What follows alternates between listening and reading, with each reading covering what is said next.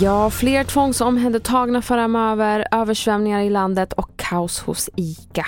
Det här är TV4 Nyheterna och vi börjar med att berätta att fler barn och unga kan behöva bli tvångsomhändertagna framöver. Det säger socialtjänstminister Camilla Waltersson Grönvall till Ekot. Det här är för att skydda barn mot att dras in i grov och organiserad brottslighet som de kan omhändertas enligt LVU, lagen om vård av unga. Idag placeras många på boenden som HVB eller SIS-hem vars kvalitet har ifrågasatts. Målet enligt ministern är att fler ska få komma till familjehem istället. Och så vidare till det kraftiga regnet som har orsakat översvämningar på flera håll i mellersta delen av landet under morgonen. SMHI varnar för höga flöden i östra Dalarna och delar av Gästrikland. Men översvämningarna har drabbat även platser utanför varningsområdet.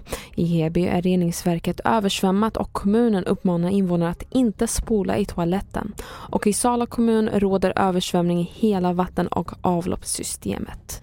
Mer än hälften av ambulanspersonalen i Sollefteå har sagt upp sig. Ja, det kokar av missnöje mot de nya arbetstidsregler som träder i kraft i höst, bland annat inom vården. Ska vi behandlas så här? När ingen kommer ut och, frågar, hur tycker ni? Hur känner ni?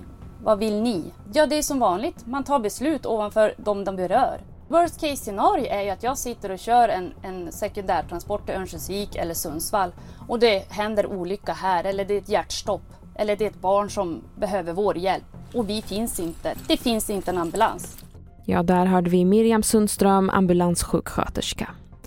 Avslutningsvis kan vi berätta att om du ska handla på ICA kanske det är på sin plats att dra fram kontanterna. För nu är det nämligen problem med kortbetalningarna på många av ICAs butiker. Det är på grund av tekniska problem under morgonen som berör inloggningen på hemsida och app samt att använda Swish. Koncernen uppger sig jobba för att lösa problemen så snart som möjligt men har just nu ingen prognos för när allt kan fungera igen. Det var det senaste från TV4 Nyheterna och jag heter Merjem Jamil.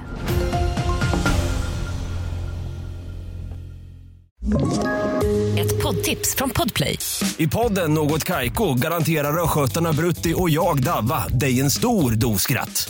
Där följer jag pladask för köttätandet igen. Man är lite som en jävla vampyr. Man har fått lite blodsmak och då måste man ha mer.